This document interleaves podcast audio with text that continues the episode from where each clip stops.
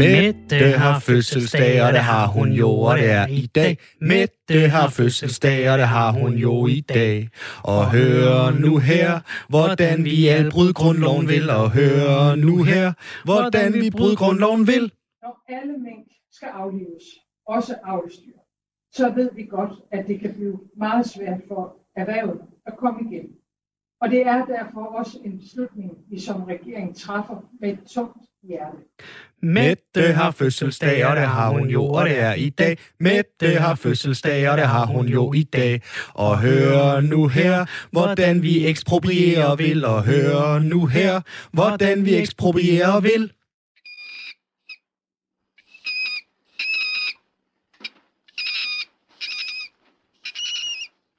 Ja, men altså, velkommen til øh, Firtoget. Mit navn er Svende Lund Jensen. Og mit navn er Simon Brix Frederiksen.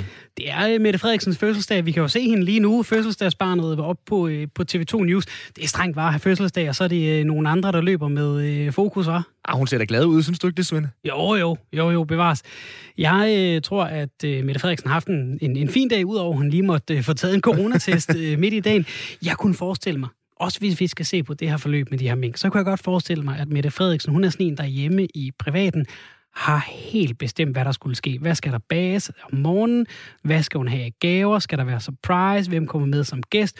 Og så, når øh, det ligesom løber af stablen, så kunne hun sige, jeg kendte ikke noget til forløbet overhovedet. Lige så stramt som hendes knold fortæller jeg mig også, at øh, hendes dag har været. Den er simpelthen sat ind i et Excel-ark, er jeg helt øh, overvist om. Nu får hun øh, lov til at fejre den med to nye ministre, oven i købet nordiske ministre, så også den nordiske statsminister kan øh, keep it little local, hvis man kan sige det sådan. Hun, øh, hun slap, eller undgik at øh, møde dronningen jo på grund af den her øh, coronatest, du allerede har været inde på, øh, Svende. Ja, og hvis vi lige skal samle op på, øh, hvad det er, der er sket, så er det minister for udviklingssamarbejde, Rasmus Prehn, der nu bliver minister for et nyoprettet ministerium for fødevare, landbrug og fiskeri. Det er altså tre øh, store poster, tre springfarlige poster. Det er nogle af dem, der virkelig har kostet hoveder øh, tidligere, hvis man kigger på, hvem der har været nødt til at forlade ministeriet også. Og øh, Miljø- og Fødevareministeriet, det skifter navn til ret, slet og ret Miljøministeriet under ledelse af Miljøminister Lea Wermelin. Og så bliver medlem af Folketinget Flemming Møller Mortensen, øh, minister for udviklingssamarbejde og minister for nordisk samarbejde. Ligestillingsområdet det bliver rykket over i beskæftigelsesministeriet, så Peter Hummelgaard også øh, får den ind under. Altså så han er minister for beskæftigelse og ligestilling. Det oplyser øh, statsministeriet i en pressemeddelelse. Vi samler op på, hvordan det er gået til, hvad det betyder med Peter Sindbæk, politisk reporter her på kanalen. Det gør vi lige lidt over klokken 16. Vi har også masser af andet godt til i dagens program. Ja, vi kigger både frem, og vi kigger lidt tilbage på det her, som også kostede Mogens Jensen sit øh, ministerium. Det gør vi allerede i den her time med en øh, professor i forvaltningsret, fordi øh, der har jo været snak om den her grundlovs brud, eller brud, som øh, de har været ude i, og som altså kostede Mogens Jensen øh, taburetten? Ja, hvis man kigger rundt omkring i, i kommentarfelterne, så er der mange, der ikke er tilfredse med, at øh, det kun er Mogens Jensen, der har måttet øh, sige farvel til sin post. Der er mange, der gerne vil have øh, en ny statsminister også, så går, altså simpelthen udskrive et valg. Og er det øh, Venstres øh, eget øh, Facebook-sides øh, kommentarfelt, du har kigget der, Svende? Nej, det er meget bredere end det, faktisk. ja, fordi der er jo rigtig, rigtig mange, som har øjnene rettet mod Mette Frederiksen, trods hun altså har fødselsdag og nu står og, og fejrer den på øh, Amalienborg. Udover det, så kigger vi også på øh, en anden mærkedag i dag, nemlig Mændenes Internationale Kampdag, som øh, er i dag den øh, 19. november. Og så skal vi også lige forbi en øh, premiere på en ny dansk film. En film, som øh, forhåbentlig kan være med til at hjælpe biograferne med at få lidt øh, kunder i butikken. Det er øh, Retfærdighedens Rytter, Anders Thomas Jensen, som også øh, står bag film som Blinken Lygter og øh, Adams Æbler osv. Man kan jo sige, at det er jo en, en fremragende dag, når vi snakker mændenes kampdag, så står der en, en, en ny øh, mandlig minister ved siden af en øh, anden mandlig minister, som bliver mere øh, prominent, og øh, ligestillingsministeriet bliver lagt over under en anden mandlig minister. Kæmpe sejr for mændene. Ja, tak for det. Sådan. Der er virkelig noget at øh, fejre. Allerførst så skal vi til at snakke øh, en lille smule om den her nye danske film, Retfærdighedens Rytter, som mm-hmm. får premiere i dag. Og som sagt, altså Anders Thomas Jensen, der øh, står bag den, han har lavet fem film ud over et hav af andre, som han har skrevet, blandt andet nogle af de allermest hæderkroner, som Susanne Bier har instrueret. Og øh, nu kommer den femte film, den første i rækken af film, som han øh, selv har instrueret, uden Ole Testrup. Så det er jo spørgsmål om, at han kan overleve uden at øh, have Ole Testrup med i en eller anden glans birolle der. Mm. Jeg var så heldig, da jeg gik i gymnasiet, Svende, der var det øh, Anders Thomas Jensens Blinkende Lygter, som øh, jeg simpelthen blev eksamineret i dengang. Okay. Af alle ting, man kunne trække til en øh, dansk eksamen, så fik jeg simpelthen lov til at øh, eksaminere i øh, Blinkende Lygter inde ved det grønne bord. Jeg kunne have trukket Henrik på en toppe, den og gået fuldstændig sort på et eller andet øh, prosa fra øh, ja, ja. hans tid, og så ender jeg simpelthen med at skulle snakke om øh, venskab og øh, blinkende lygter, og så perspektivere det til, i Kina spiser de hunde. Okay, spændende. Fandt du ud af, hvad den fejlede, den høne? Nej, det, det, det gjorde jeg ikke. Det, det kan være, at vi kan... Det er sikkert 13 liter, hvis du kunne have vidst det. Rigtig hjertelig velkommen til dagens program. Husk, at øh, du kan ringe ind til os 72 30 44 44 eller sende en sms på 1424. Du skriver R4 et mellemrum og så din besked, hvis du har lyst til at øh, blande dig i programmet. Det håber vi, at du gør.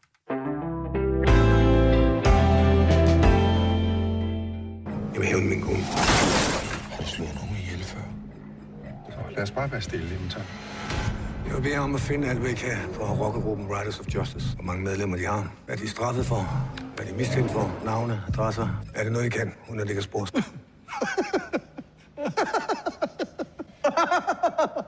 Vi har fattet det det nemmeste for dig i verden. Det er det nemmeste for mig i verden.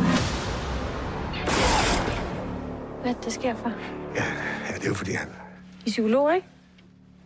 Det må man sige, vi er. Nej, tak.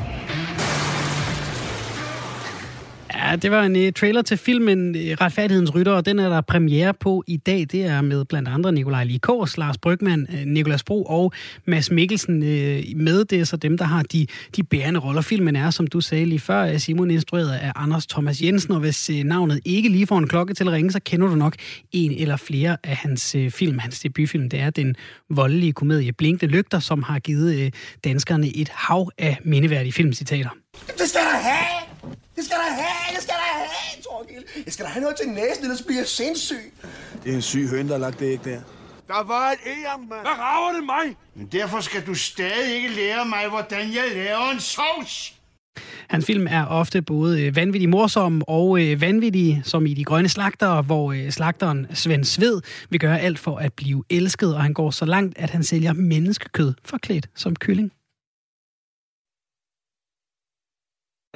Bare en af jer, der kan se mig ind i øjnene og sige, at jeg ikke fortjener den her succes. Hva?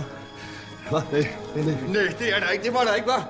Det er der ikke, fordi I drømmer alle sammen om, at I en dag kommer til at lave noget, så folk de elsker. Og ja, så har jeg måske kommet... Ah! Det var et fedt navn, når man var øh, en øh, ung gut, der gik i gymnasiet og var varmblodet og godt kunne finde på at svide igennem en grå t-shirt, og så hed Svende, ikke? Det var super duper. Nu er øh, Anders Thomas Jensen så aktuel med sin femte spillefilm, Retfærdighedens Rytter, som vi skal tale med dig om. Kasper Christensen, filmanmelder og indehaver af film Nørdens Hjørne. Velkommen til programmet. Tusind tak. Kan du ikke, Kasper, lige begynde med at rise op for os, hvad handler den her film om? Jamen, grundlæggende så tager den sit udgangspunkt i, at der sker et uheld med et tog, og ombord på det tog, der er øh, Mads Mikkelsens øh, kone. Mads Mikkelsen er spiller en, øh, en soldat i Afghanistan. Og øh, hun dør, og, øh, men det er denne her computernørd, spillet af Nikolaj Likos, han er også med ombord. Og øh, efter ulykken, så, så begynder han at øh, bruge nogle af sine meget krøllede teorier omkring, hvordan alt i verden hænger sammen. Altså, hvis man bare har den rigtige formel, så kan man regne alt ud. Og ifølge hans beregninger, så er denne her, det her uheld ikke et uheld. Det er en rockergruppe, der har været ude på at prøve at, at aflive et, et vidne, og, og det, der er altså så en masse mennesker, der, der er døde i, i, i, den, øh, i det uheld, de, de ligesom skaber med det her tog. Og det får dem så øh, virkelig ind, at da øh, Mads Mikkelsen så vender tilbage som, som soldat, så vil han så øh, at måden, han ligesom reagerer på, øh, og måden, han får afløb på sin sorg, det er via vold, og han vil bare have hævn over de her rockere, og det får han så de her tre computernørders hjælp til. Nu var vi jo lige øh, ind på lige før, da Svend og jeg talte om øh, uh, filmen og Anders Thomas Jensens film, uh, Kasper, at det er første film, han selv instruerer uden uh, Ole Testrup. Uh, hvordan uh, har han fundet sin nye Ole Testrup, kan jeg jo spørge om? Ah, det ved jeg ikke rigtigt. Der er ikke én figur, der ligesom øh, skriger, at det skulle have været til Ole Testrup, hvis han havde været i live. Men ellers så er tonen jo øh, umiskendelig Anders Thomas Jensensk fordi at, at han blander alle de her forskellige øh, ja, han blander jo en masse toner og en masse genre i sine film. Og det er sådan noget af det, der gør, at de virker så unikke, øh, og som i høj grad også gør, at de fungerer så godt, som de gør. At han, at han på en eller anden magisk måde får, får blandet en masse ting sammen, som ikke burde virke sammen. Det er, det er, jo, det er jo noget af det, der, der er en hemmelighed, og det er i høj grad også øh, en af grundene til, at, at retfærdighedsrytter, den fungerer. Jeg prøver lige at uddybe lidt det, hvad en Anders Thomas Jensen-film reelt er, fordi nogle gange, når jeg har øh, filosoferet lidt over det, eller talt med kammerater, eller sågar ved et øh, eksamensbord i gymnasiet, så har jeg jo sammenlignet det lidt med Tarantino, fordi der både er, er vold og, og også lidt humor, men, men det er vel reelt ikke tilfældet. Hvad er det for nogle film, han laver, Anders Thomas Jensen selv?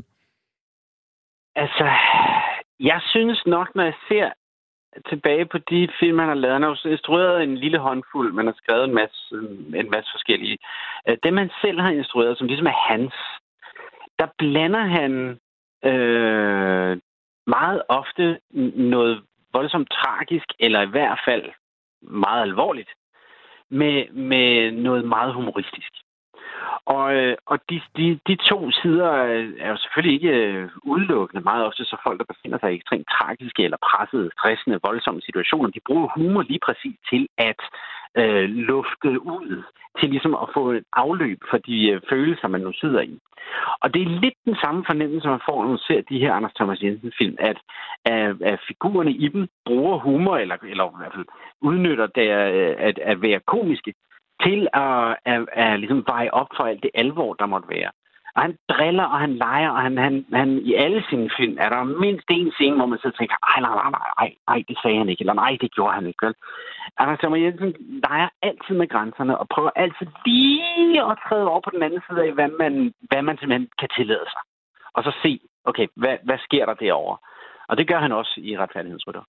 Som vi fik etableret øh, i vores øh, oplæg, øh, Simon og jeg, så er de her Anders Thomas Jensen-film jo kendt for ikoniske øjeblikke. Altså vi kan alle sammen huske, da mm. Sofie Gråbøl får en over snudskaftet, eller da Mads Mikkelsen finder sin Desert Eagle frem og plaffer en ko i, i blinkende lygter. Har, har retfærdighedens rytter også nogle af de her momenter, som, som du husker efter at have set den? At en, altså, egentlig ikke. Da, men det er jo, det kan være, det kræver et gensyn, eller et eller andet. Det kan være, det går, der kommer nogle scener her, eller nogle, nogle citater, som bliver klassikere.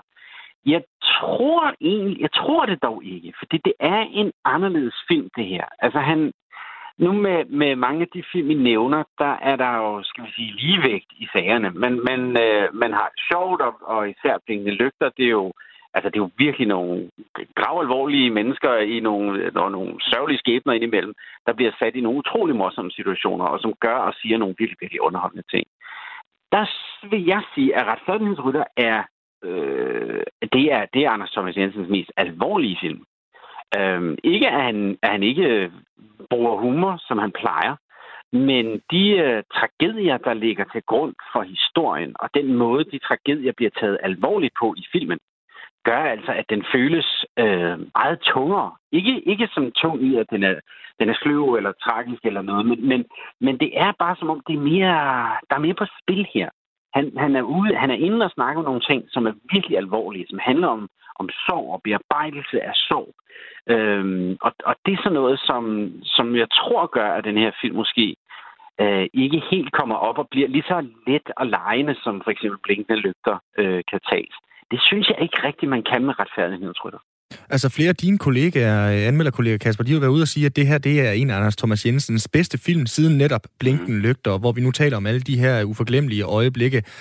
Jeg hørte også sige lidt, at, at den måske ikke er helt deroppe af, selvom det er en alvorlig film. Hvor rangerer du den sådan blandt øh, hans øh, kanon af instruktioner, Anders Thomas Jensen?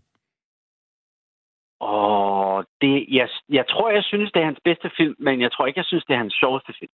Altså. Øh, og, det, og, det, og det er lidt svært, fordi jeg har, altså jeg er en af de få, som så har et problem med, at den her, den her films, skal vi sige, brug af øh, komik. Jeg synes netop, at, øh, at Anders Thomas har fat i noget, noget, altså det er noget helt fantastisk alvor, og nogle fantastisk spændende pointer omkring det her med, er livet øh, meningsfyldt, eller er livet meningsløst? Og, og hvordan det spiller ind i behandlingen af sorg, hvordan man leder efter svar, når man, når man er i sorg, men der ikke er svar. Øh, det, er jo, det er jo nogle sindssygt tunge emner, og det er jo det tungeste, tror jeg, han har fat i i nogle af sine film. selvom jeg altid har danset omkring de sådan lidt filosofiske spørgsmål, der, der er altså virkelig noget på, på, på menuen her. Så i den forbindelse, der, jeg synes ikke, den var så for pokker sjov. Jeg synes ikke, at humoren nødvendigvis passer død godt ind, fordi jeg bliver bedt om at sidde og grine nogle ting, som jeg absolut ikke synes er sjove. Øhm, og og, og det, det, det er noget af det, der er lidt af kunsten her, og som jeg også tror er øh, faktisk nok øh, Anders' mål. Det er at få publikum til at sidde og grine noget, som man får virkelig dårlig smag af at grine af, altså med dårlig smag i mund. Øhm, og, og, og det er sådan lidt en, øh, det, det er lidt svært at beskrive, og, og lidt svært at forlige sig med som anmelder. Jeg har haft det svært med at skulle anmelde den. Men fordi, som sagt, jeg synes jo, det er en god film, men jeg synes også, der er noget ved den, som er, er lidt off. Hvor lander du så henne, hvis vi skal gå efter de klassiske Nå, øh, f- f- f- ja, 0-6 stjerner, for eksempel? 06, jamen jeg, jeg er på fire store, altså, og, okay. og dermed så ligger jeg i den lave ende af, hvad der er blevet disket i dag. Jeg, jeg ser, at hele dagspressen, de ligger næsten øh, konsekvent på, på fem stjerner, og enkelte steder er den også kommet op på seks. Så den rammer øh, et eller andet virkelig, virkelig plet. Det gør den. Uh, at den ikke lige rammer mig, det skal altså ikke komme filmen. Uh, det, det, skal, det, det er ikke nødvendigvis den skyld. Det kan jo være mig, der er noget galt. Men, uh, men, men det er virkelig et... Altså, han har igen skabt en film, som uh, få andre, og som uden tvivl vil få hårdere af danskere i biografen. Og det er det, der er det fede, fordi at når de går i biografen, så bliver de altså udsat for en historie, uh, med enormt potentiale, med kæmpe store ambitioner, og, og ikke i citationstegn bare en historie om nogle gutter, der, der siger sjove ting og skyder med våben. Og hvis vi, nu har vi rundet Anders Thomas Jensen. Hvis vi skal prøve at kigge på, på de skuespillere, der er med i filmen, så benytter han sig jo ofte af de samme skuespillere i, i sin film, i hvert fald i, i de bærende roller. Og så er der en, en ny på, på paletten, der ikke har været med i nogen af hans film før, Lars Brygman, som mange kender fra andre film og tv-serier, blandt andet Rejseholdet for eksempel. Hvordan klarer han sig i, i det her setup? Altså, de, de kender jo alle sammen hinanden øh, fra år tilbage, og, og mm. er skide gode. Og, og selvfølgelig øh, glider Lars Brygman helt ubesværet ind i det her show. Øh, ikke mindst fordi, at jeg, altså, det er jo Anders Thomas Jensen, der sørger for, at tingene bliver, som de skal være. Øh, og så en af grundene til, at han bruger de samme skuespillere, det er jo, fordi det er jo nogle knalde gode skuespillere, og de vil jo gerne være med, fordi han er jo en god film. Så derfor så ender han meget ofte med de her imponerende rollelister, hvor man ser det ene store danske stjernenavn efter det andet. Ikke? Mm. Øhm, og det, det synes jeg er fedt. Og der har du nærmest allerede svaret på mit næste spørgsmål. Jeg vil godt lige stille det alligevel, fordi en af dem, af de helt store, der er med, det er sådan en som Mads Mikkelsen, som jo siden øh, Blinkende Lygter har altså, øh, fået en, en virkelig international stjernestatus med de ting, han er med i, og de ting, vi, vi hører, han er i spil til. Hvad er, det, hvad er det, der gør, at han bliver ved med at vende tilbage til lige præcis de her øh, danske film? Jeg ved godt, at han også er med i, i Thomas Winterbergs druk, men det er jo også en, en, en anerkendt instruktør. Hvad er det, der gør, at der er nogle af de her danske projekter, især Anders Thomas Jensen, der stadig trækker ham tilbage til, til Danmark? Altså, hvis du ser på, hvad det er for nogle film, som Mads Mikkelsen og serier øh, som Mads Mikkelsen laver i udlandet, og så det, som han kommer hjem og laver, så er der jo en, øh, der er jo en, skal vi sige, jeg tror, jeg tror han bliver lidt mere udfordret øh, på, på nogle dybe skuespilsmæssige ting, når han laver de her danske ting. Altså i hvert fald, hvis du ser de film, han har haft med at gøre i år, det er ikke øh, en, en stor Hollywood-produktion, og der er, men, men, men der er altså noget tyngde i de historier og i de film, han kommer tilbage og laver. Så jeg tror, at det er skuespillet og venskaberne og det faktum, at han er dansker og godt kan lide at være i Danmark og lave danske film. Altså, der er, jeg tror, der er enormt mange grunde til, at, at Mads Mikkelsen bliver ved med at komme tilbage, selvom han jo et eller andet sted bare bliver større og større i udlandet hele tiden. En anden Mads Mikkelsen-film, det er jo Thomas Winterbergs øh, nye druk, som øh, også har slået en del rekorder, i hvert fald for Thomas Winterberg selv. Mm. Altså, tror du, at øh, retfærdighedens rytter også kan, kan lokke danskerne ud i de her øh, dejlige, bløde biografstoler og de store mørke sale, som, øh, som druk har kunnet? Åh oh, ja, altså den kommer... Altså, der, det, for, fordi jeg lige præcis, som I har siddet og snakket om, ikke? Han, han har jo et navn, den her instruktør, og han har jo lavet nogle film, som alle kender, og som alle over en bred kamp elsker eller har set og synes er fantastiske.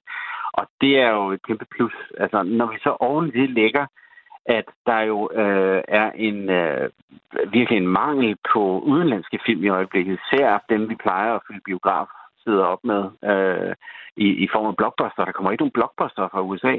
Så derfor så er det, jeg tror, jeg så en top 10 over de mest sete film i biografen i øjeblikket, og syv eller otte af dem, øh, det, det er danske inklusiv top 5, øh, tror jeg. Og den her kommer til at stryge lige ind og mænge sig med alle de danske film, der har klaret sig afsindigt godt i biografen i løbet af i år. Så man kan sige, at en ting er corona, det er jo selvfølgelig noget lort og så videre, men, men det har altså lige skabt noget plads, og måske lige givet de her danske film et ekstra løft. Ikke, at de har haft behøvet det, fordi det er et fantastisk dansk filmår. Altså, det, det er jo helt utroligt så mange gode danske film, der bliver ved med at komme. Men, men det hjælper altså lidt, at der ikke lige er konkurrence fra en eller anden øh, superhelt eller et eller andet internationalt Asienprav. Må jeg lige spørge dig her til sidst, øh, Kasper Christensen, fordi nu sidder vi lidt og stryger øh, Anders Thomas Jensen og de andre med, med hårene. Øhm, da jeg så traileren til filmen, så tænkte jeg, nå, det er Blinkende Lygter 2. Og nu har du set den, så øh, kan jeg høre, at du siger, at den er, den, er, den er måske bedre, den er bare ikke så sjov. Er der lidt en fare ved den måde, de har klippet traileren på, at man måske kan komme ind og så se den og glæde sig til Blinkende Lygter 2, og så lidt føle, at man har købt katten i sækken, og måske gå en lille smule skuffet ud? Nej, nej, det tror jeg sgu ikke. Altså, det, det, den, øh, den gør lige præcis det, den skal gøre for at leve op til den der trailer. At der så også er meget mere, man får med i oplevelsen, det er jo, det er jo, det er jo hvad det er. De, de sælger den selvfølgelig som, som blinkende lygter 2. At det ikke helt er det, det er så noget andet. Men, øh, men altså, bare så længe folk kommer til at gå ind og se den, og det gør de, jeg er sikker på, at den kommer til at, at sælge mange billetter, øh, så, så er det fint. Og jeg tror, at mange mennesker også vil blive ganske behageligt overrasket over, at han ikke bare har lavet endnu en blinkende lygter, men han rent faktisk prøver noget nyt og lykkes med det. Du skal have tusind tak, Kasper Christensen, for at være med her. Filmanmelder og indehaver af Filmnørdens Hjørne. Det var en fornøjelse som altid. Selv tak. Så, Svende, nu kan jeg komme til Vesterhavet igen. Ja, ja. Det er jo fantastisk. Du ved godt, hvad jeg snakker om? Gør mig endelig lidt klogere. Nordjylland, de er øh, godt i gang med anden uge af deres øh, ret så omfattende nedlukning. Men mm. i dag, der øh, blev mange af restriktionerne ophævet, fordi at øh, der var positivt nyt. De fleste af dem de blev ophævet allerede fra i dag. I morgen så følger så den kollektive trafik, forsamlinger, kultur- og fritidslivet samt restauranterne. Så for sådan en nordjyd som mig, bosat i øh, Aalborg, jeg kan komme til Jammerborg Kommune, jeg kan komme til Jørgen Kommune, hvor den store vestkyst er igen. Mm. Der er selvfølgelig også nogle øh, lidt større reelle problemer, som der nu bliver øh, overstået nu, når nordjyderne i dag og i morgen kan besøge resten af landet med god samvittighed. Det er selvfølgelig fordi, at der er færre minkvarianter at spore i de positive coronatest fra området. Og det har øh, selvfølgelig været bøvlet de sidste par uger, for øh, bor du i Jørgen og arbejder i for eksempel Brønderslev, så må du ikke krydse grænsen. Heller ikke til og fra Aalborg, som vi har været inde på, men øh, også det bliver nu øh, ophævet. Fritz Danielsen, du er direktør for øh, basistryk i Dronninglund i øh, en af de her syv ramte kommuner, Brønderslev. Hvordan har det været at være nordisk direktør sådan de sidste par uger? Det er aldrig øh, skønt, når man øh, har noget sygdoms, øh, noget hængende over hovedet det, øh, og den her situation, vi har været i nu i gennem så lang tid, det har godt nok været, det har været op ad bakke. Hvad har det konkret betydet øh, for jer i, i basistryk? Hvis vi øh, skal se tilbage fra, fra starten på coronas øh, sygdommen og, og nedlukning, så har det betydet, at vi har mistet meget omsætning i løbet af foråret og sommeren, og vi har også fyret folk. Men vi har tilpasset os, og øh, jeg tror stadigvæk også på en fornuftig fremtid. Men den sidste nedlukning med grænserestriktionerne, det har været, det har været ganske svært, fordi at, øh, det er jo vores højtid i øjeblikket inden for den grafiske branche. Der er meget, det skal laves øh, med øh, inden jul, øh, og der, det har, det har været op ad bakke. Men vi har prøvet at tilpasse det så godt vi kunne, og vi har, jeg vil jo også gerne indrømme, at øh, jeg har også kaldt øh, nogle medarbejdere ind øh, i det omfang, det har været nødvendigt, selvom vi har boet i Aalborg. Og det kunne godt lyde som om, at jeg er fuldstændig ligeglad med sygdommen og ikke tager hensyn. Det vil jeg ikke ret gerne, at, øh, det vil ikke ret gerne, at øh, lyttere de får den opfattelse, fordi vi har taget rigtig, rigtig meget hensyn og passer rigtig meget på. Ja, for anbefalingen, den var jo, at man skulle blive inden for de respektive øh, syv kommuner, så, øh, så hvis man for eksempel boede i Aalborg og skulle op til jer i øh, uh, Dronninglund i, i Brønderslev Kommune, så måtte man reelt ikke det, men det, det har du alligevel valgt at, at se lidt stort på. Altså, hvor svært har det været at overholde det her? Det har været meget svært, for så, som jeg siger, vi, vi er i en travl øh, tid, og øh, dem, der kender til den grafiske branche, så ved vi også godt, at man kan ikke arbejde hjemmefra, så det, Øh, vi har prøvet at tilpasse og, og passe på og, og kun kalde folk ind i det omfang, det har været nødvendigt. Men øh, jeg skal være ærlig, jeg, har, jeg er opdraget til at, at tale sandt. Det ved godt, man kan undlade, og, men øh, der er også øh, omgivelser, der ved, at vi har medarbejdere, der bor i Aalborg. Så de har været, de har været trukket ind i det omfang, som har været nødvendigt. Og øh, det har jo heller ikke været lovbrud. Det var jo, det var jo en opfordring til at lade være. Men øh, med, øh, vi, vi har gjort det, at øh, fra dag et af, at vi har haft møder med hele personalet, om der var nogen, der var utrygge, og hvis der var nogen, der følte sig syge og dårlige, så skulle de blive hjemme. Og øh, vi har også øh, givet hinanden håndslag på, at øh, vi skulle begrænse nu i den her periode at være sammen med andre mennesker øh, i videst mulig omfang, når nu at øh, det er fritiden og, og aftener og weekender og sådan noget. Så vi har passet godt på, og vi har taget forholdsregler med, med de kunder, der kommer ind, og øh, vores øh, fragt. Frist Danielsen, Frits Danielsen, nu har du givet fanden den berømte lillefinger ved at sige, at, at du er en, der taler sandt. Må jeg prøve at spørge, fordi når vi har talt med folk her i, i programmet, øh, og har talt om, om de her restriktioner i Nørjylland, så har de fleste, øh, faktisk for ikke at sige dem alle, været meget tydelige og sagt, jamen selvfølgelig kan vi godt forstå de, øh, de samfundssindsmæssige overvejelser, og vi skal alle sammen øh, lade være med at gøre det her, fordi øh, vi må stole på, at de kloge mennesker, der beslutter det, øh, har ret. Har der været en, en lille smule snak trods alt over kaffebordet, sådan, altså, helt ærligt, kan det være rigtigt? Kan, kan det være så, øh, så, så slemt? Er det ikke lidt overdrevet? Det skal gå ud over så mange af os heroppe. Øhm, og, og vi kan jo så også se nu, nu blev perioden så også lidt kortere end, end, end forventet, og hurra for det. Men måske betyder det også, at det hele var lidt overdrevet fra start af? Ja, ja, jeg skal ikke gøre mig klog på det øh, politiske. Jeg skal heller ikke gøre mig klog på det sundhedsmæssige, men selvfølgelig har vi fulgt med i og set, at øh, at smitten ikke har bredt sig øh, her øh, værre, eller måske endda også øh, mindre end, end andre steder i landet. Men vi tænker jo også på vores arbejdspladser, og det tror jeg også mine medarbejdere de har gjort, fordi at vi, øh, hvis vi skulle lukke ned, så er det altså ikke sikkert, at det kan blive med at være arbejdspladser, og det ville jo også have store konsekvenser. Så vi har prøvet at gøre det så godt, som, som vi føler, vi kunne, i en tid, hvor vi har rigtig meget at lave. Nu er du nordjyde, Fritz, men hvor lettet eller hvor ja. Øh, jublen lykkelig er du i dag, når nu de her restriktioner de er blevet ophævet? Jeg er stadigvæk meget opmærksom på sygdommen.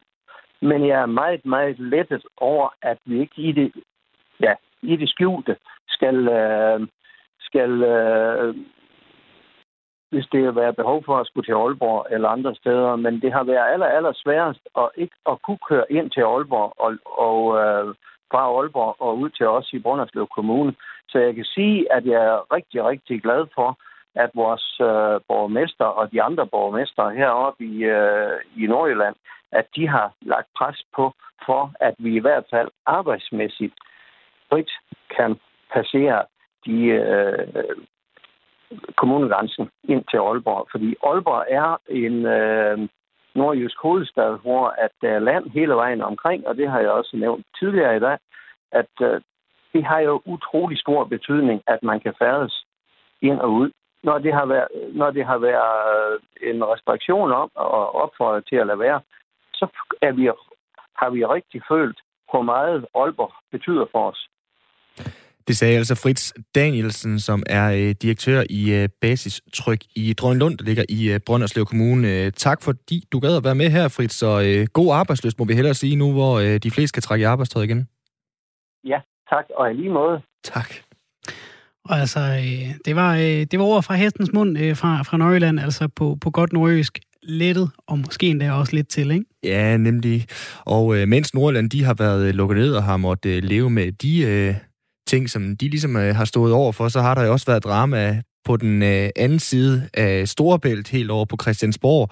I går der kostede hele den her misære minkminister Mogens Jensen posten, efter at to øh, redegørelser blev fremlagt. Så fra det helt nære i øh, Brønderslev til, øh, til de lidt større linjersvende og, øh, og Mogens Jensen og, og det, der kostede ham hans taburet. Mm. Ja, vi skal øh, prøve lige at, at, at huske at, at holde os øh, til, øh, til materien her. Vi skal lige om lidt tale med Sten Bønsing. Han er en, der har styr på, på det lovmæssige i det. Han er, er professor i forvaltningsret ved, ved Aalborg Universitet, og jeg tror måske, vi har en linje igennem til Sten Bønsing. Er du med os her, Sten? Ja, det er jeg. Dejligt. Nu, øh, nu skal du høre, altså vi, vi har jo, øh, vi har jo øh, nu set øh, Mogens Jensen gå af, altså, så nu er konsekvensen ligesom kommet og, og så videre. Øhm, men der har været talt en del om den her sag, om der rent faktisk har været grundlovsbrud. Justitsminister Nick Hækkerup var ude og sige i går, det er bestemt ikke noget, der er kønt, men grundloven er ikke brudt. Har han ret i det? Øh, det kommer nok lidt an på øh, ens sprogbrug, hvad jeg lige vil sige. Altså, øh, Øh, normalt vil man ikke betragte det her, eller omtale det her som et, et øh, grundlovsbrud, øh, men, men øh, strengt taget sådan formelt set, så kan man da selvfølgelig godt øh, betragte, betragte som et grundlovsbrud. Altså det der jo er, det er, at, at når man, øh, når man øh, øh, udfører en eller anden øh, øh, handling, øh, eller pålægger borgerne noget, som der ikke er et, øh, eller så, så kræver vores demokrati at, øh, og vores grundlov, øh, at det kun sker med hjemmel i lov. Og, øh, og derfor kan man selvfølgelig godt alle i alle de tilfælde, hvor, øh, som der sker sådan med mellemrum, øh, hvor, hvor en, øh, man, man påbyder øh, øh borgerne noget, øh, så tale om, at, at det er i strid med grundloven. Øh, men, men, men så sker der jo sådan set mange grundlovsbrud, øh, måske også dagligt, øh, hvis man, hvis man øh, påbyder altså en, en husejer at rive sin øh, øh carport ned, øh, og, og det så viser sig øh, ikke at have hjemmel i, i planloven eller noget andet. Øh, så kan man selvfølgelig godt tale om et grundlovsbrud. Øh, det, det virker bare måske lige at, at, at, at stramme øh, sprogbrugen lidt. Øh, så jeg, så jeg vil sige det sådan, at, at, at normalt vil, vil øh, jurister ikke betragte det her som et grundlovsbrud, men, men, men det er da rigtigt nok, at grundloven siger, at man, man skal have hjemmel i lov, før man, man gør noget. Men jeg troede, at grundloven var sådan noget med to streger under facet, ligesom nærmest ved, ved matematikeksamen. Er det ikke enten ja eller nej, når man har brudt grundloven, Sten Bønsing? Øh, jo, det, det, det kan man da godt sige, men altså, der er heller ingen tvivl om, at, at, at øh, det, det der er, er i strid med grundloven, at, øh, at, at påbyde borgerne noget, som ikke har et, et, et lovgrundlag. Det, det, som jeg bare siger, det er, at, at, at det er normalt ikke sådan den terminologi, man, eller det ordvalg, som man, man plejer at bruge sådan i, i, i det daglige. Så det kommer nok i virkeligheden lidt an på, hvad, hvordan man sådan synes, at, at, at man vil, vil belægge sine ord. Og vi har også altså en, en politisk opposition, som har talt med meget store bogstaver omkring det her forløb, og også har nævnt det her øh, grundlovsbrud. Og så har vi altså haft også nogle, nogle eksperter, blandt andet dig, i løbet af, af, de, her, af det her, de her seneste øh, 10-14 dages tid, som, som også har talt med store bogstaver omkring det her forløb. Er det lidt mindre bogstaver, vi hører dig tale med nu øh, om, om, omkring selve forløbet, eller er det stadig problematisk fra start til slut? Altså, jeg mener, det her det er meget problematisk, og det har jeg sådan set hele tiden vidst, det, og det er der ikke nogen nuancer i, om så må sige. Øh, jeg har ikke på noget tidspunkt brugt, brugt øh, ordet grundlovsbrud, øh, men, men, men, men sådan noget her kan jo da bestemt godt være meget alvorligt, altså, eller sådan top alvorligt, og også selvom det ikke er et grundlovsbrud, Mm. Øh, fordi der, der kan det være meget alvorligt, øh, der sker, som, som ikke er et, et grundlovsbrud. Øh, Så... Og ellers må, må, måske må jeg supplere med, jeg, jeg ja. tror måske, fordi jeg har godt hørt også øh, juridiske eksperter bruge det her begreb grundlovsbrud, og jeg tror altså måske, der er sket en eller anden misforståelse, fordi jeg tror, det er startet med, at der er nogen, der har øh, nævnt, at det her, det kan være ekspropriation, øh, hvad jeg øh, ikke er sådan er 100% øh, enig i eller sikker på er rigtigt. Og det er rigtigt, at, at ekspropriationsbestemmelsen i grundloven, den har en særlig, øh, hvad skal man sige, et særligt vidtgående krav til øh, lovhjemlen.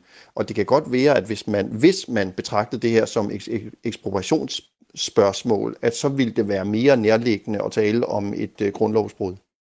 Så det kan både bero på en måske en, en, en, en fortolkning af nogle gråzoner, men det kan måske også være, hvis vi i hvert fald skal se på den politiske del af det, så lidt, ne, lidt nemmere for den enkelte dansker at forstå, når man siger grundlovsstridigt, så ved vi, okay, så er vi oppe på de høje klinger, selvom det måske ikke, som du siger, er helt entydigt, om det er det, der er sket. Ja, og så tænker jeg, at, at politikerne, altså, eller oppositionen måske har en interesse i at, øh, at, at, at skarpe debatten lidt, om så må sige, og så lyder det vel lidt mere øh, øh, omfattende og lidt mere øh, alvorligt, hvis man taler om grundlovsbrud. Øh, men det mener jeg bare strengt taget ikke, det er nødvendigt. Så er der en anden formulering, som vi gerne lige vil, vil prøve af på dig, Sten Bønsing. Det er fra Justitsministeriets notits som Mink-sagen i går, og her står, at myndighedernes agering må anses for en tilsidesættelse af grundlæggende forvaltningsretlige normer.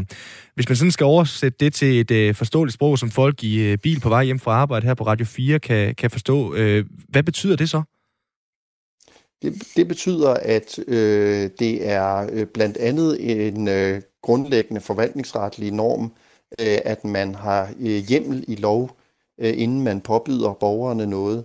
Øh, og hvis man gør det, øh, så, øh, så skal det i øvrigt øh, øh, øh, ske i et brev, som, hvor der er en henvisning til lovgrundlaget, øh, og man skal partshøres, før man øh, får påbuddet, øh, og der skal en begrundelse og en klagevejledning, og der er en række grundlæggende regler, der skal være opfyldt, og ingen af de dele øh, er opfyldt i de breve, der er gået ud til øh, minkejerne. Vi har jo et øh, telefonnummer her på programmet, det er 72 30 44 44. Man kan også sende en sms på 1424, så skriver man R4 et mellemrum og øh, så sin besked. Det har Leon gjort. Du får lige et spørgsmål her, Sten uh, øh, Bønsing, som jeg håber, du kan svare på. Leon skriver, kan I ikke lige spørge ham om paragraf 150 i straffeloven? Hvad har den af betydning? Og paragraf 150, det er den, der siger, når nogen, som virker i offentlig tjeneste eller erhverv, misbruger sin stilling til at tvinge nogen til at gøre, tåle eller undlade noget, straffes han med fængsel indtil tre år. Er den relevant at tale om her? Øh, det var sgu sådan set et, øh, et meget godt spørgsmål. Vi har gode lyttere, Sten Bønsing. Hvad siger du? Ja, vi har gode lyttere. ja, det er, ja, ja, det er, det er jo en, også en skarp radiostation. øh,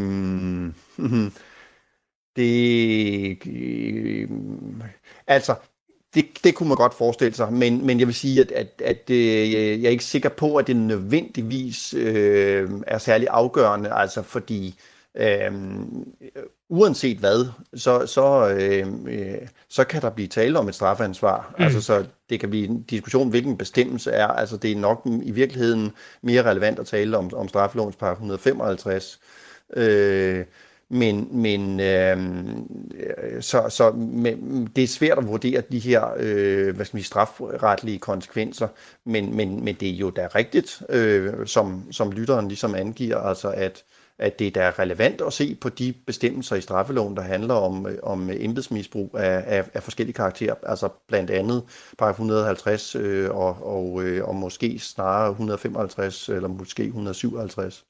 Så kan jeg lige øh, nævne, at øh, jeg kan ikke øh, straffeloven sådan i hovedet, men jeg har lige fundet paragraf 155. Misbruger nogen, som virker i offentlig tjeneste eller værv, sin stilling til at krænke private eller det offentliges ret, straffes han med bøde eller fængsel indtil fire måneder. Jeg har lige en sidste øh, ting, vi gerne vil øh, spørge dig om, Sten Bønsing. Hvis du nu var sensor til en eksamen i forvaltninger, og du skulle eksaminere Fødevareministeriet, altså øh, i den her sag, hvor tæt er de så på at dumpe? Øh, altså, de, de, jeg vil sige, de har nok forsømt en del i forhold til øh, at, at sætte hælene i på det tidspunkt, hvor de skal sætte hælene i.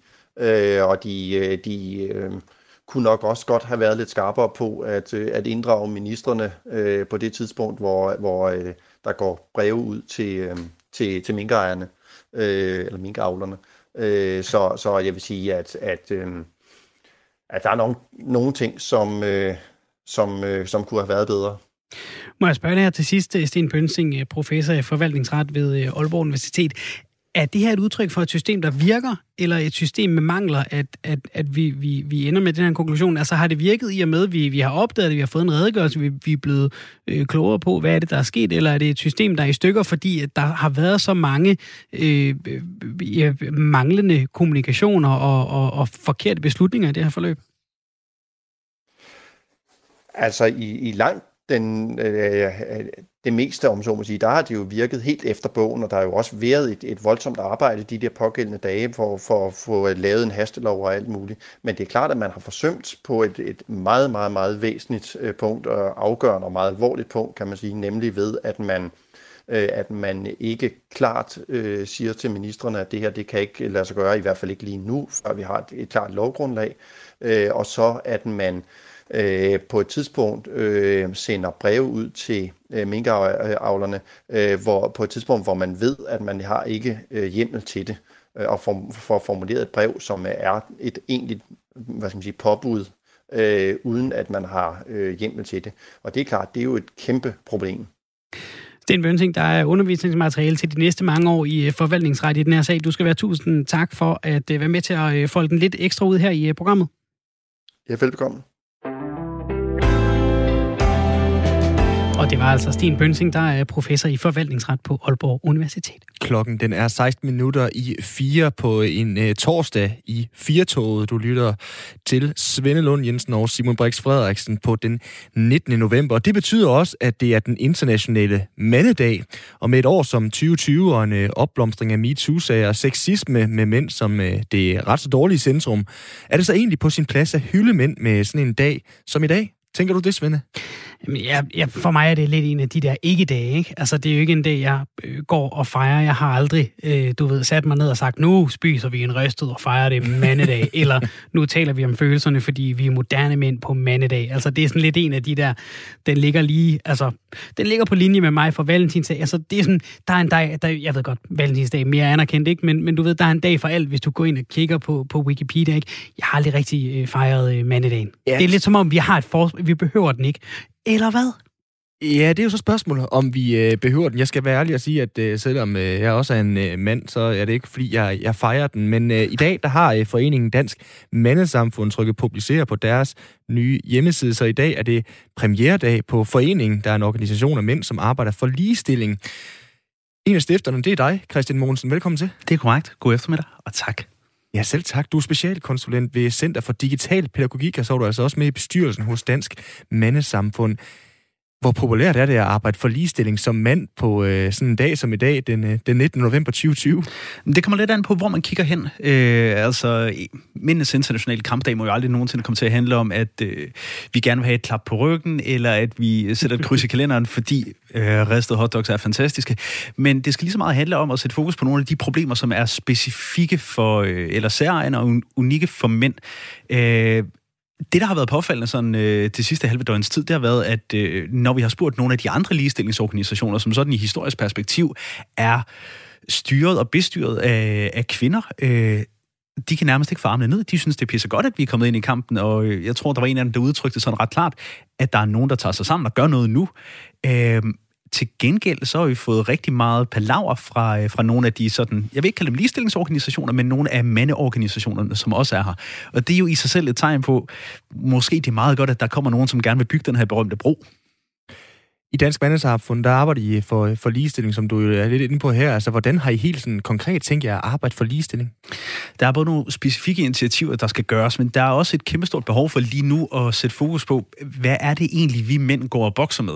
Noget af det, mænd er berømte og berygtet for, er, at de der problemer, dem vil vi egentlig helst gerne pakke sammen, og når det så er international mandedag, jamen altså, så, øh, så er det noget med noget fodbold og nogle dåsebajer. Ikke, at der er noget galt med nogle af de to ting, men der er nogle ting, vi bliver nødt til at tale om. Et af vores primære, en af vores primære opgaver, det bliver at gøre opmærksom på de her ting, men også at gøre opmærksom på, der er mænd og også mandemænd, der blander sig i den her ligestillingsdebat. Ja, og det er jo noget af det, I skriver om blandt andet i, i øh, Politikken i dag, hvor I har et øh, debatindlæg i, hvor I skriver i overskriften, kære mand, tag ansvar for ligestillingen i, i Danmark. Øh, hvis øh, vi for alvor vil have et opgør med samfundets sexistiske kultur, så er vi som mænd nødt til at indse, hvordan vi lige nu opretholder og forstærker den. Øh, og det er jo også en, hvad kan man sige, der ligger også noget i det, omkring det, vi mænd skal blive bedre til. Og jeg har det sådan lidt, hvis jeg havde en dag om året, det har vi jo, vi har fødselsdag for eksempel. Hvis jeg så fik at vide, Svende, du skal blive bedre til at vaske op, du skal blive bedre til at stille dine sko på plads, vaske tøj, så ville jeg føle lidt, øv, det var ikke det, jeg havde regnet med, med den dag, der var min. Øh, øh hvor meget af jeres øh, opdrag øh, og, og, og, og sådan motivation for at skabe det her dansk mandesamfund handler om ting, vi egentlig skal blive bedre til mere end at, at hylde manden? Det er der en del af det, der gør. Jeg, jeg, øh, jeg tror ikke, der er nogen af os i bestyrelsen, der føler behov for at hylde manden, bare fordi han er mand. Jeg tror, det handler rigtig meget om at hylde dygtige mennesker, mennesker, der gør en forskel, mennesker, der tør gøre noget dybt, snarere end at hylde det ene køn eller det andet køn. På nøjagtig samme måde, som jeg heller ikke ser nogen af Øhm, altså lad os kalde dem kvindeorganisationerne, være ude på at hylde kvinden. Altså de arbejder for ligestilling. Og, altså hvis vi tager eksemplet, som jeg egentlig godt kan lide med, med de sure sokker eller opvasken, der ligger og flyder, jamen det er sgu da meget rart, at der er rent det ene sted, mm. og at sokkerne ikke ligger og lugter. Og hvis det så er den ene dag om året, hvor vi taler om, der skal der fandme være rent, fordi der kommer gæster lige om lidt, så kan det godt være, at vi skal bruge lidt af vores dag, fødselsdag eller mandedagen, på, på at få ryddet lidt op i egne gemakker. Det har, det har jeg ikke noget problem med. Hvad er mænds øh, største udfordring i debatten om ligestilling? Der er masser. Øh, nogle af de helt oplagte, det er, at der er tre gange så mange mænd som kvinder, der øh, begår selvmord. Mænd dør tidligere. Mænd har dårligere sundhed. Øh, mænd er dårligere til at tale om følelser. Mænd, er, mænd har det fint, er, er sådan klassikeren. Manden, han har det altid fint. Det er det ene perspektiv på det. Det andet perspektiv på det, det kan være, at mænd fylder enormt meget i øh, nogle negative statistikker, kriminalitetsstatistikker, øh, kønnet overgrebsstatistikker, øh, mænd dropper oftere ud af skolen. Problemet med det, det er bare, at de sidste mange år, der har vi talt om det som om, at det er fordi, det er mandens skyld. Det er den enkelte mand, der har gjort et eller andet. Måske vi også skal kigge på, at der er en eller anden kultur, der gør, at mændene som et hele ikke tør gøre fagntag med nogle af de her ting, fordi så skal vi til at gribe fat i den der sårbarhed.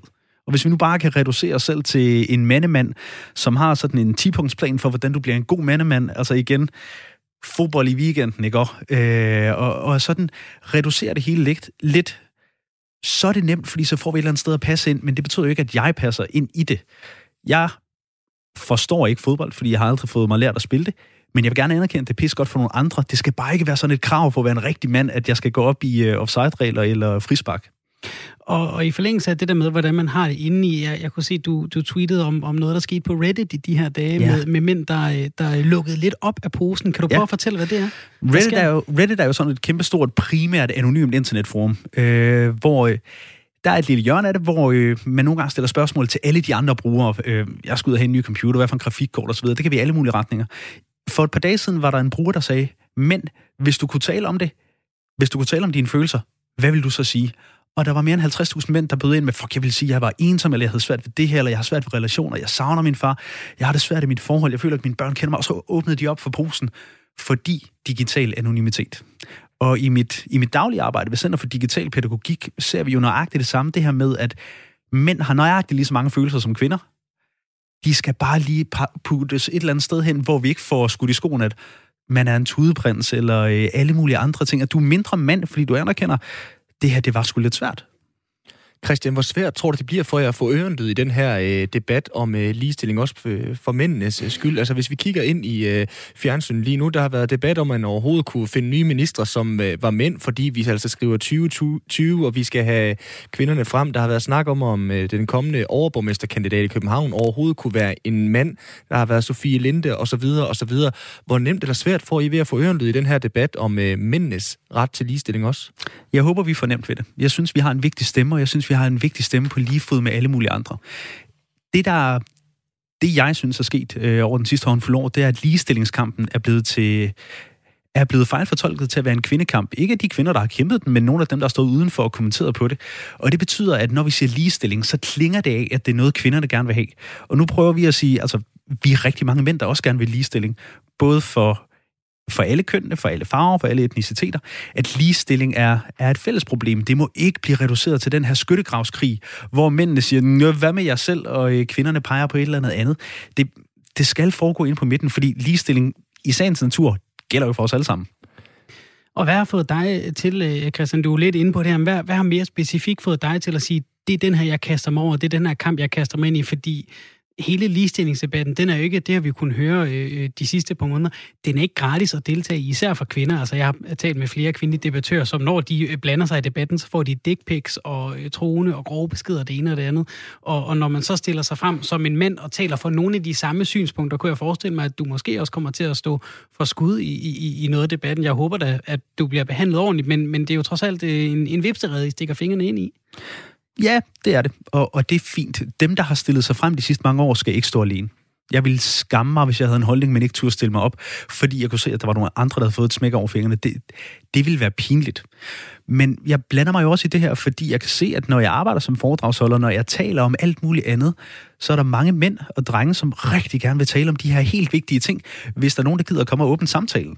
De har ikke lyst til at smække en hånd i vejret i klassens team, eller i, øh, hvad hedder det, Casual Friday på kontoret, og sige nogle af de her ting. Men hvis vi nu kommer og kan sætte det i gang, kan starte det, så kan vi se, at der er plads til det, og der er behov for det. Så når jeg er, bliver en del af den her bevægelse, så handler det lidt om, jeg har fået en håndfuld af de her spark over skinnebenet med, okay, hvis du synes alle de her ting, og liker alle de her ting på øh, Twitter, så kom dog i gang og gør noget selv.